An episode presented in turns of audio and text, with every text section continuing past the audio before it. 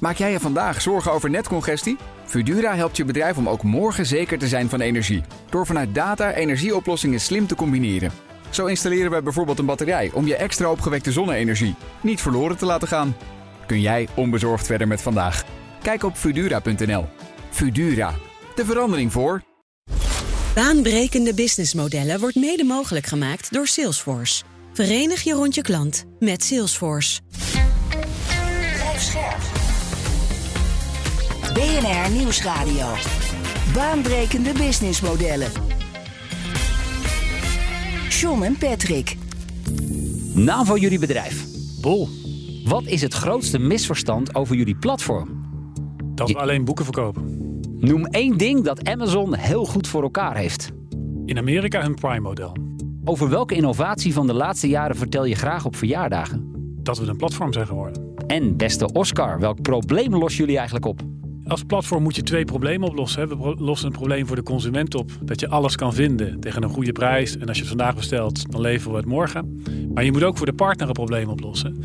En dat is in ons geval dat je dus de Nederlandse en Belgische consument makkelijker kan bereiken. Over bedrijven die zichzelf opnieuw uitvinden en nieuwkomers die bestaande markten opschudden. Dit is baanbrekende businessmodellen. Met mij John van Schagen en Patrick van der Pijl. Onze gast is Oscar Huntman, de Chief E-Commerce Officer van Bol. Van harte welkom. Dankjewel. Ja, Bol dus tegenwoordig zonder die .com. Waarom is die eigenlijk geschrapt? Ja, kijk, toen we 25 jaar geleden begonnen, was onze ambitie om retail te veranderen en waren we echt iets nieuws. Eh, en we waren iets wat online was en dat wilden we graag overbrengen in de naam die we waren. Nu, 25 jaar later, weet eigenlijk heel Nederland wie we zijn. Ne- heel Nederland en België noemt ons al jarenlang Bol. Dus uiteindelijk hebben wij maar gekozen om onszelf ook Bol te gaan noemen. En weet je waarom het destijds niet bol.nl was? Nee, ik weet, dat, ik weet dat eigenlijk niet. Ik denk wel dat het te maken heeft met dat het, dat het gestart is als een Europees platform eh, daar. En dat dat nou de kom handig was om het over allerlei landen heen te doen. En uiteindelijk bleek het alleen in Nederland een initieel een succes. En zijn we dat gaan uitbouwen. Je geeft inderdaad terecht aan, hè, heel Nederland kent jullie. Maar toch, ehm, leg nou nog eens even in de kern uit wat Bol nu eigenlijk is. Ja, dus wat Bol is en, en is geworden hè, oh, door de jaren heen. Dus, dus 25 jaar geleden is Bol gestart als een, als een idee eh, van een nieuw soort boekenwinkel neer te zetten eh, daar. En, en de gedachte was, ja, wat als we nou niet een paar boeken aanbieden, maar wat als we nou aan consumenten alle boeken aanbieden die er zijn geschreven? Kunnen mensen dan niet iets vinden wat ze echt nodig hebben en wat ze echt willen hebben, in de plaats van wat toch vrij eh, lokaal beschikbaar is? Ehm, en dat bleek een succes. En natuurlijk is dat succes met allerlei vallen en opstaan eh, gegaan. eh, eh, in de Porto Cammen waar het ooit begonnen is. Ehm, maar toch, het werkte daar. En, en al gauw was de gedachte, ja, als het hier werkt, kan het niet ook in andere categorieën gaan, gaan werken.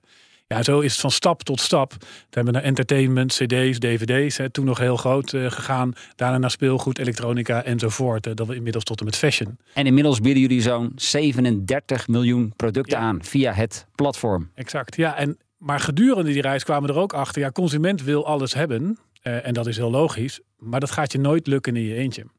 En dat was ook het moment dat de gedachte was... ja, dan moeten we eigenlijk nu onze winkel... was het toen natuurlijk nog openen... voor Nederlands en Belgische ondernemers. Ja, en dat noem je achteraf dan de transformatie naar een platform... waar we naartoe zijn gegaan. Want was het in het verleden ook dat je eh, bepaald aanbod ook ehm, zelf al had aangeschaft, op eigen plekken had liggen. ehm, en dat je daarna uiteindelijk naar derde partijen ging en die logistiek op die manier ging organiseren? Is dat wat je bedoelt? Ja, zeker. Kijk, kijk, die boekenmarkt is een hele unieke dynamiek met het Centraal Boekenhuis en dergelijke. Maar zeker Ja. de markten waar we daarna instappen waren relatief traditionele markten. Waar het inderdaad was dat Bol als een retailorganisatie producten inkocht en die online verkocht. Ja, en dat is inderdaad de transformatie die is gemaakt. Dat, dat stuk is steeds kleiner geworden. Het platform is geopend voor partners, dus andere ondernemers. Ja, en die verkopen nu producten bij ons. En dat is inmiddels dan twee derde van, eh, van de business. Ja, dus daar heb je niet het onderhanden werkkapitaal voor nodig ehm, om dat dus- te financieren. Dus, dus dat is een reden, maar ik denk dat veel praktischer gaat het ook nog om. Het gaat om kennis. Hè, het het gaat om echt weten wat nodig is om een bepaald product te verkopen. Het gaat om risico met z'n allen kunnen nemen in de zin van welke producten gaan eraan komen, wat willen we doen. Ja, en, en daar als je die gezamenlijke kennis van 50.000 ondernemers die allemaal verstand hebben van een stukje gaat gebruiken, ja, dan ben je veel sterker dan welke organisatie je eentje ooit kan worden. Ja, je noemt partners ehm, een essentieel onderdeel inmiddels van het businessmodel van Bol. Eh, en we moeten even het onderscheid maken tussen een partner en een leverancier, geloof ik. Ja. Vertel. Bol is zelf ook verkoper op het platform. Dat stuk werkt met leveranciers. Dus een traditionele relatie van het inkopen van producten die ook werk, worden verkocht. En een partner is een ondernemer die zelf producten op ons platform verkoopt, die die of zelf heeft geproduceerd of zelf weer ergens anders inkoopt. En daar zijn er inmiddels zo'n 50.000 van. Hè? Ja, daar zijn er iets meer dan 50.000 van tegen. Ja, en je geeft ook aan, inmiddels ehm, wel het grootste eh, deel van de omzet komt daar vandaan. Ja, absoluut. Ja, dus eh, inmiddels komt bijna twee derde van de omzet eh, komt van partners. Patrick, jij eh, kijkt natuurlijk met een businessmodellenbril naar Bol. Ik zag dat jullie in de appgroep eh, in het bedrijf gisteren ook al volop hebben berichten naar elkaar zitten sturen. Want zo gaat dat dan meestal in voorbereiding op zo'n aflevering. Wat, wat zie jij voor je? Ja, ik denk als je naar zoveel jaar geleden kijkt, in de essentie kon je zeggen dat is een, eh, een bedrijf wat digitaal ga- gaat. Ehm, zoals je net aangaf, eh, begonnen als eh, online eh, boekenhandel. Maar uiteindelijk, het is een multi-sided platform. En multi-sided hebben we vaker natuurlijk in onze uitzending gezien. Dat betekent eigenlijk dat je één of ehm, nee, sorry, dat je twee of meerdere klantsegmenten hebt die onlosmakelijk met elkaar verbonden zijn. Dus in dit geval ehm, was het eigenlijk al de, de bol zelf ehm, en de leverancier. Maar nu zie je uiteindelijk dat eh, ja, je matcht vraag en aanbod met elkaar. Dus dan kunnen die partners daar ook in optreden. En wat een ander belangrijk kenmerk is van zo'n eh, platform, is dat het zo eenvoudig moet zijn dat je in een paar klikken eh, kunt vinden wat je nodig hebt. En we noemen dat altijd in het Engels value trigger. En zo'n value trigger bepaalt ehm, dat het uiteindelijk voor een grote massa makkelijk is om daar ehm, eh, je, je zaken te kunnen vinden. Maar dat betekent dus, die value trigger eh, wordt ge- geholpen door filters die je hebt, waardoor het voor jou ook makkelijk te vinden is. Ehm, en en dus wat, wat net aangegeven wordt, dan is het succes ook uiteindelijk dat je die matching van vraag en aanbod eh, gaat doen. En dat misschien ook veel meer de core business dan uiteindelijk zorgen dat al die spullen eh, Ja. in het digitale schap liggen. En dat betekent automatisch ook dat je voor die partners een goede reden moet hebben om op Bol vertegen- vertegenwoordigd te zijn. Ja. Ja, wat, wat zijn die argumenten? Ja, natuurlijk. Want kijk, een, een partner heeft allerlei mogelijkheden om eh, zijn of haar product aan de man te, te brengen. En een van hun kanalen, daar moeten ze voor kiezen, is dat bij ons doen. Ja, ik denk de reden dat ze dat bij ons doen is één, dat we betrouwbaar zijn richting consumenten. We hebben een goed imago, waardoor er heel veel consumenten iedere dag bij ons komen. Zo'n 13, 14 miljoen eh, per, eh, per jaar. Dus dat creëert bereik en dat creëert potentie voor, eh, voor partners. Zijn het overigens 13 miljoen consumenten of 13, bezoek, 13 miljoen bezoeken?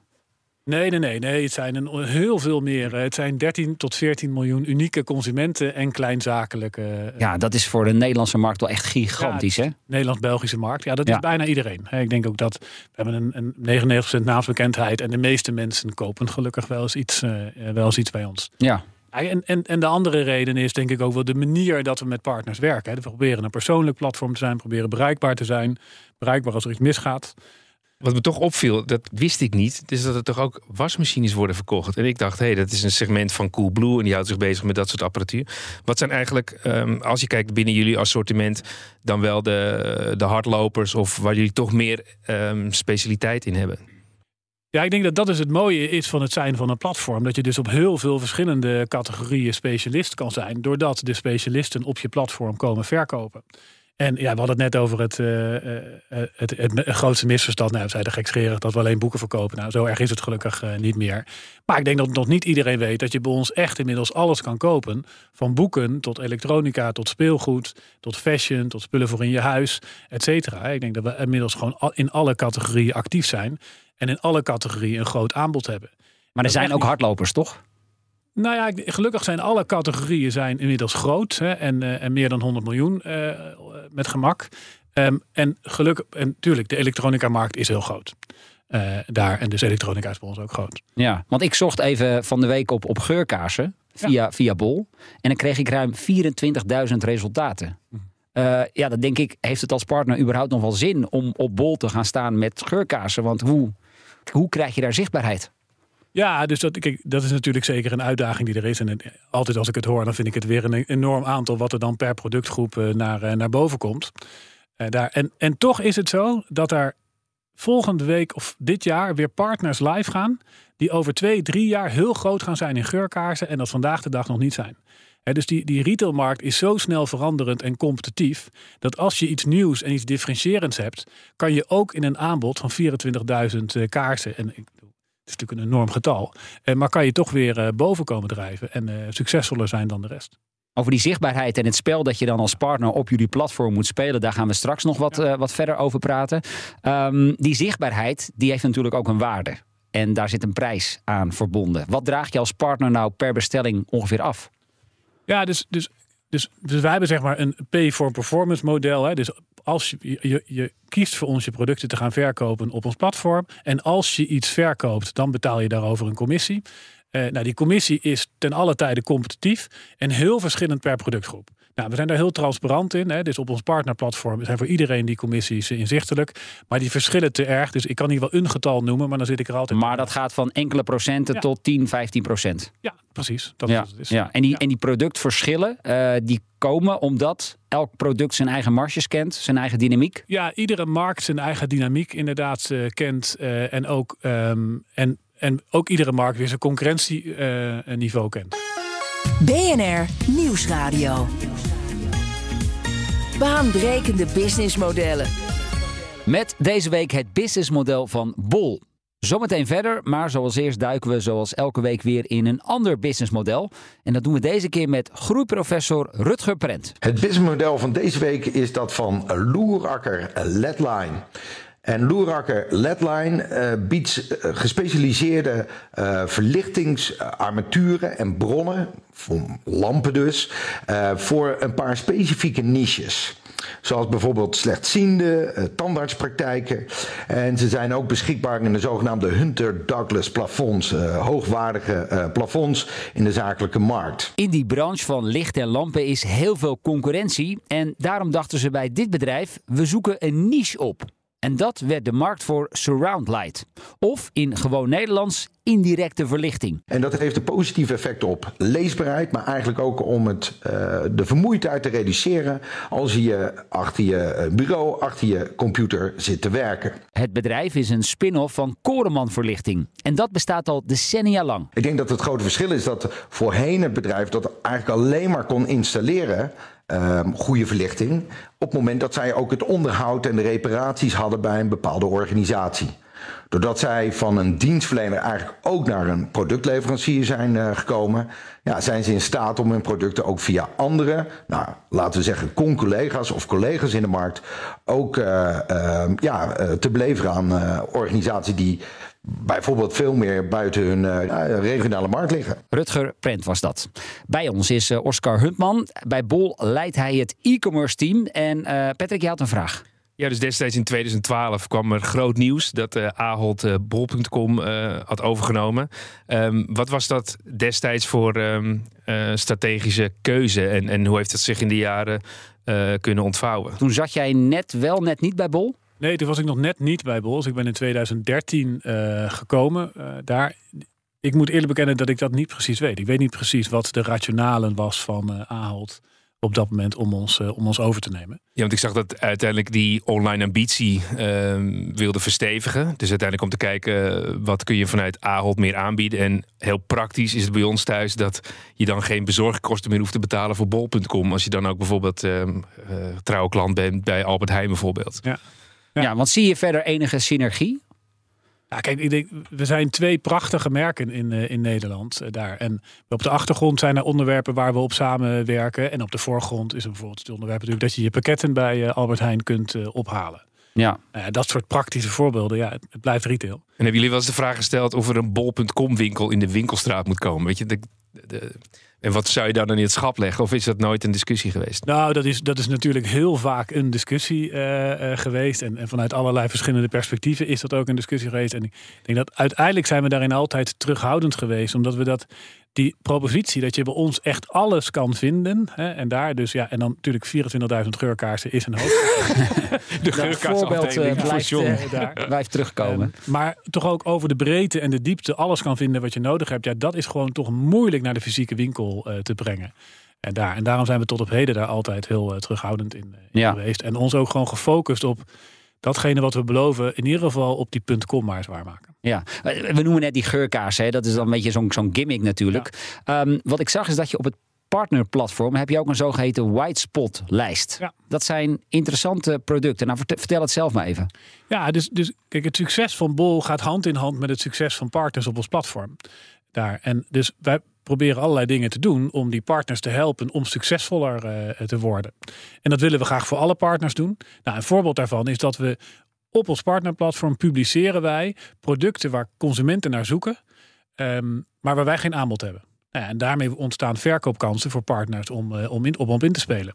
Dus daarmee een kans voor, voor de verkooppartner. En is daarmee ook weer een kans voor het platform als dus geheel. hoge zoekvolume, uh, weinig, relatief weinig aanbod. Ja, of geen aanbod. Of geen aanbod. En dan weet je dat je als, als partner, als bedrijf, dat je daar in ieder geval het spel kunt gaan spelen. dat je daarmee kan starten. Ja. Je ziet ook wel bij bedrijven die al een, een, website hebben, die dan uiteindelijk toch producten bij jullie aanbieden. In het verleden kijk je dan ook naar, um, ben je dan het cannibaliseren op je eigen product? Uh, hoe hebben jullie dat destijds omarmd? honderden van die gesprekken heb ik gevoerd uh, in de eerste jaren. Daar, daar, daar, kunnen we een podcast-uitzending over maken. Over uh, hoe ludiek dat af en toe was. En daar. Maar ik denk dat het is. Uiteindelijk is de vrijblijvendheid van het verkopen op het platform. Is het, door, is het, is denk ik het succes geweest. Want uiteindelijk was het gesprek toch. Probeer het gewoon een keer.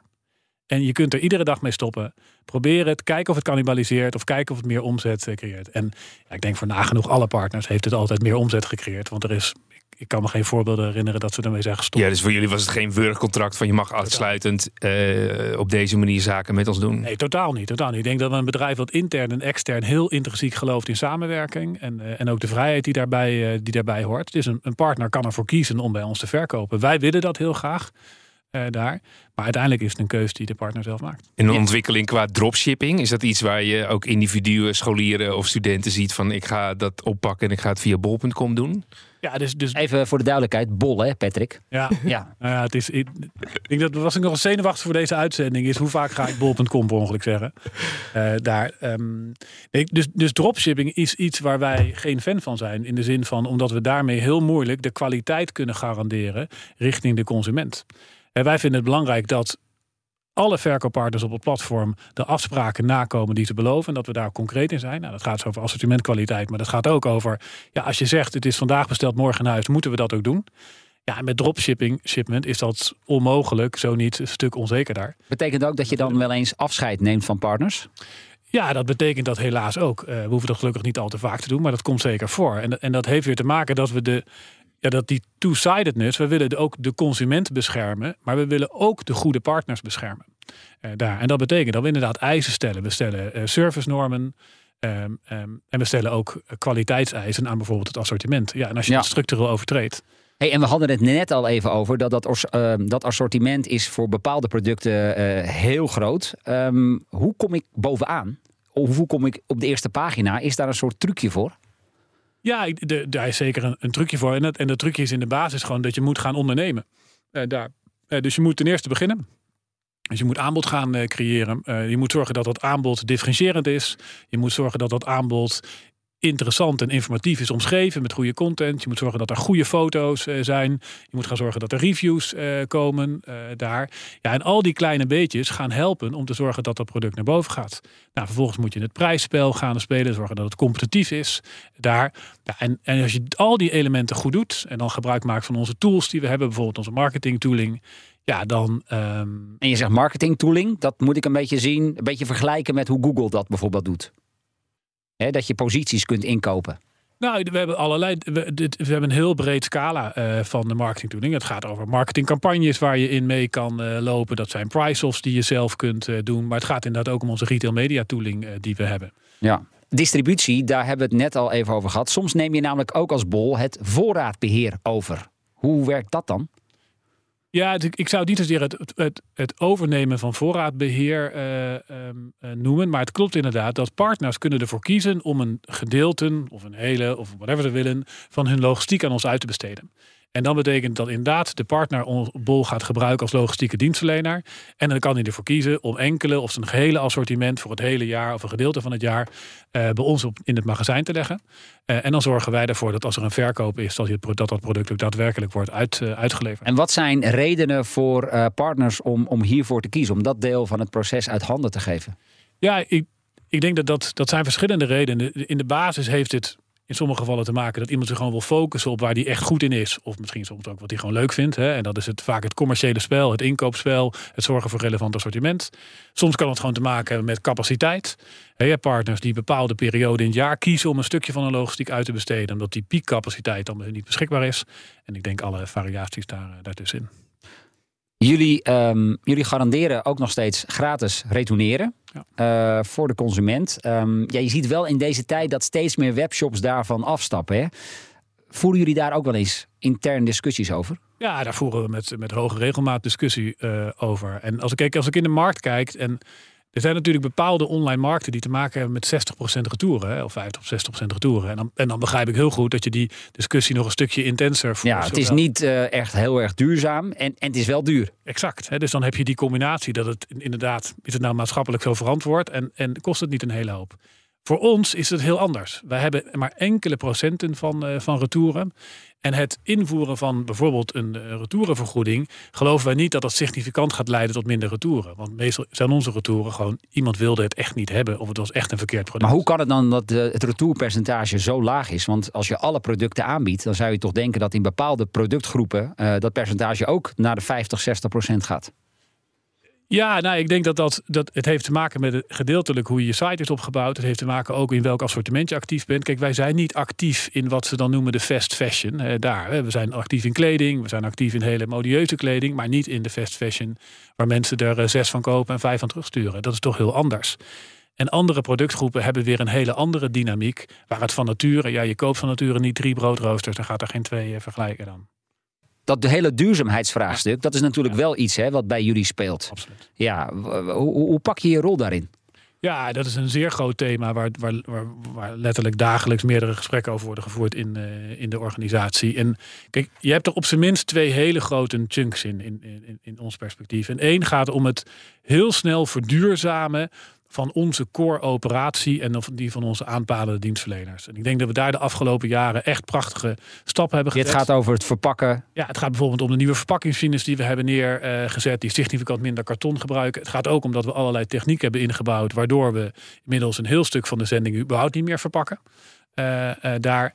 Uh, het gaat ook over het werken met onze logistieke carriers. Om te zorgen dat die last steeds duurzamer wordt. Nou ja, et cetera. Allerlei dingen die je doet om te zorgen dat je core proces volledig CO2-neutraal wordt.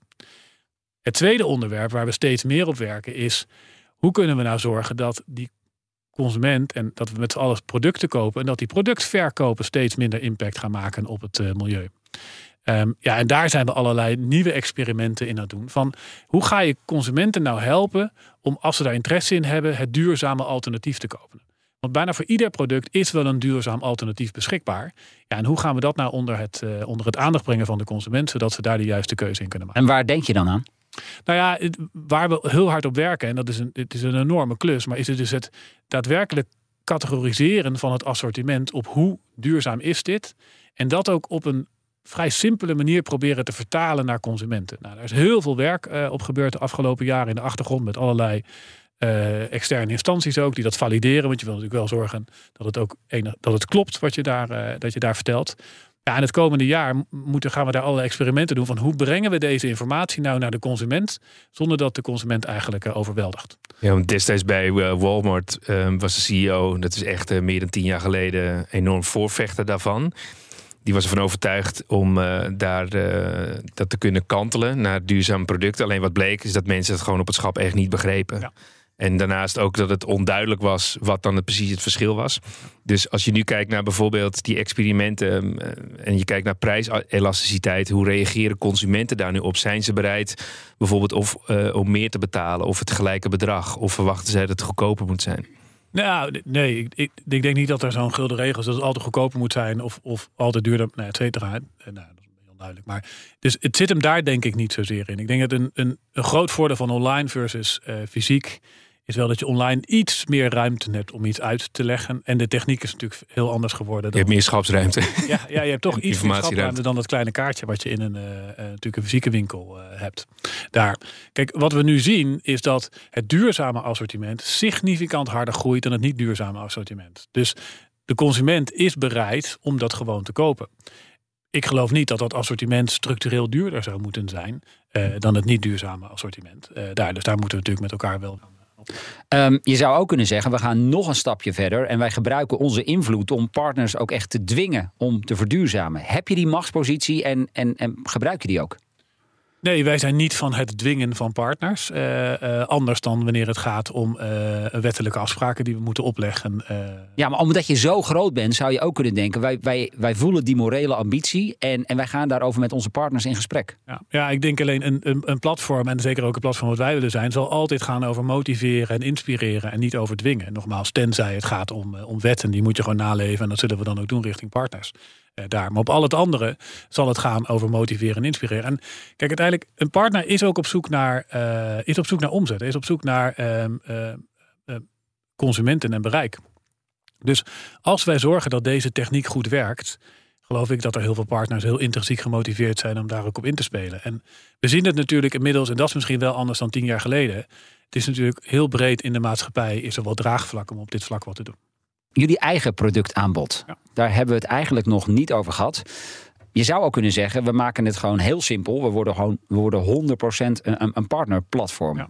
Wat weerhoudt je om, om die stap, die laatste stap niet te zetten?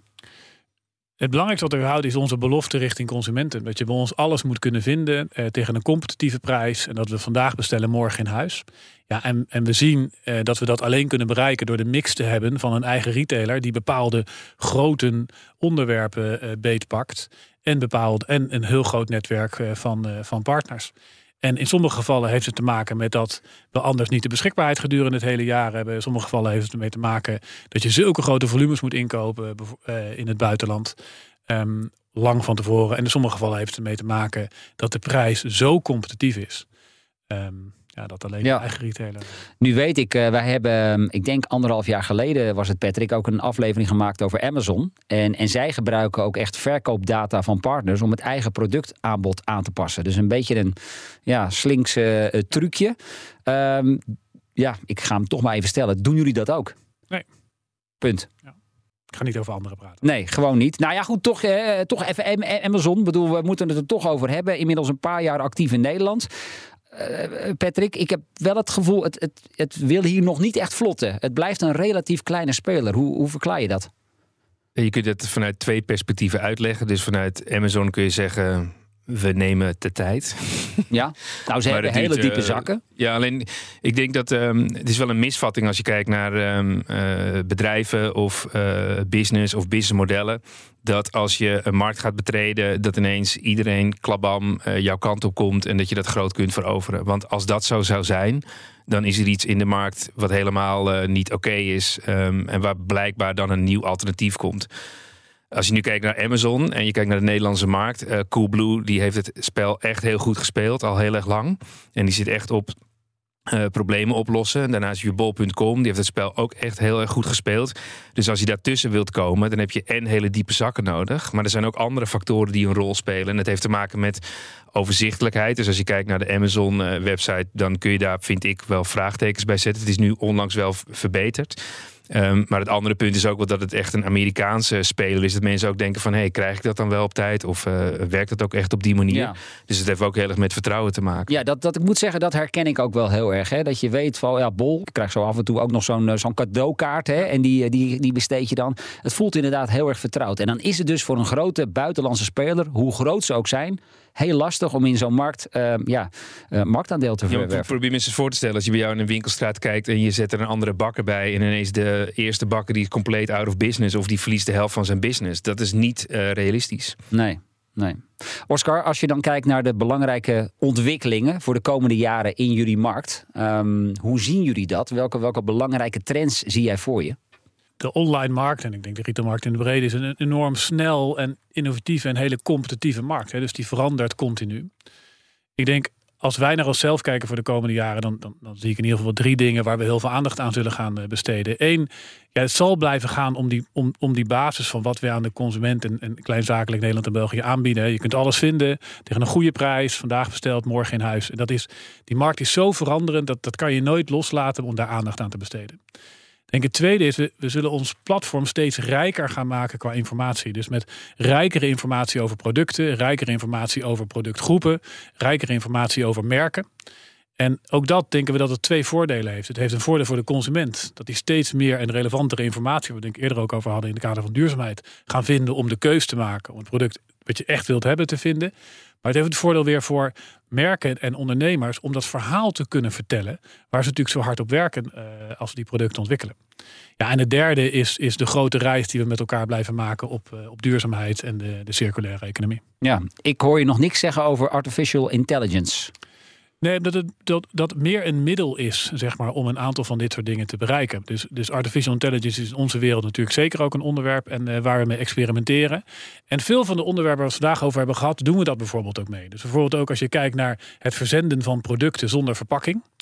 Ja, dat, dat heeft vele kanten. Want sommige producten kun je misschien wel verzenden in de zin dat ze dan veilig aankomen. Maar is voor de consument, neem bijvoorbeeld Lego, de verpakking exact intact krijgen is cruciaal. Ja. ja. dus je hebt dus heel veel intelligentie nodig om te bepalen van die 47 miljoen producten, of 37, sorry. Um, welke wil je nou op die manier verzenden? Nou, daar gebruik je bijvoorbeeld artificial intelligence voor. Maar dat doen we ook om te bepalen waar moeten producten in het warehouse liggen. Of sterker nog, op welke verschillende producten, uh, plekken moeten producten liggen. Om te zorgen dat je dat zo efficiënt mogelijk kan doen. En nu nog vooral, uh, of eigenlijk alleen actief in Nederland en België. Het was ooit bedoeld als Europees platform. Hoe zie je dat? Ik bedoel, zou het denkbaar zijn dat we een, een bol uh, Spanje krijgen, of Italië of, of Griekenland? Het, bedoel, het was ooit bedoeld en toen was het een heel ander bedrijf met een hele andere eigenaar uh, daar. En op dit moment zijn we denk ik heel trots dat we een Nederlands-Belgisch platform zijn. We, we, we differentiëren onszelf door lokaal te zijn en we zullen ons daar ook ons blijven focussen voor nu. Ja, ik eindig hem even met jou, uh, Patrick. Want uh, uh, nu ruim een half uur geluisterd. Hè, even onder die motorkap gekeken van Bol. Um, ja, wat, wat nemen we mee? Wat, wat moeten we onthouden en vanavond aan de etenstafel doorvertellen? Nou, ik denk als je um, kijkt naar dit businessmodel... dan kun je ernaar kijken om het als um, partner op te nemen in je ecosysteem. Oftewel gewoon in je bredere kanalen en hoe je dat samen kunt doen. Het is onmogelijk om hier een nieuwe partij neer te zetten die dat als, als concurrent gaat doen. En dat is voor Amazon ook heel erg lastig. Dus uiteindelijk zie je dat het um, voor jou als, als consument uh, fijn is, omdat het nog meer geïntegreerd is, ook met een Albert Heijn of met andere apps, zodat het voor jou nog makkelijker is en betrouwbaarder. Maar ik denk ook voor leveranciers of voor partners um, echt een mooi kanaal waar je ja, met veel grotere zekerheid uh, beter je producten kunt verkopen. Ja. Zeker als um, Bol daar nog meer tijd en aandacht aan gaat besteden. Nu zei het goed, zonder de .com. Ja, goed. En ik denk het andere punt is ook wel, dat zal ook steeds belangrijker worden, is dat als je als uh, toeleverancier of als bedrijf zaken doet met Bol, dat je je ook al uh, kunt garanderen dat je niet meer aan die um, CO2-uitstoot hoeft te voldoen. Uh, omdat toch de grote jongens dat eerst gaan organiseren. Dankjewel uh, Patrick en dankjewel ook Oscar Hutman van Bol. Um, dank voor jouw komst naar de studio. En tegen de luisteraars zeg ik dat wij uiteraard online te vinden zijn met alle andere afleveringen. Ga even naar een van je favoriete podcastkanalen. Tot volgende week. Baanbrekende businessmodellen wordt mede mogelijk gemaakt door Salesforce. Verenig je rond je klant met Salesforce. Maak jij je vandaag zorgen over netcongestie? Fudura helpt je bedrijf om ook morgen zeker te zijn van energie. Door vanuit data energieoplossingen slim te combineren. Zo installeren we bijvoorbeeld een batterij om je extra opgewekte zonne-energie niet verloren te laten gaan. Kun jij onbezorgd verder met vandaag? Kijk op Fudura.nl. Fudura, de verandering voor.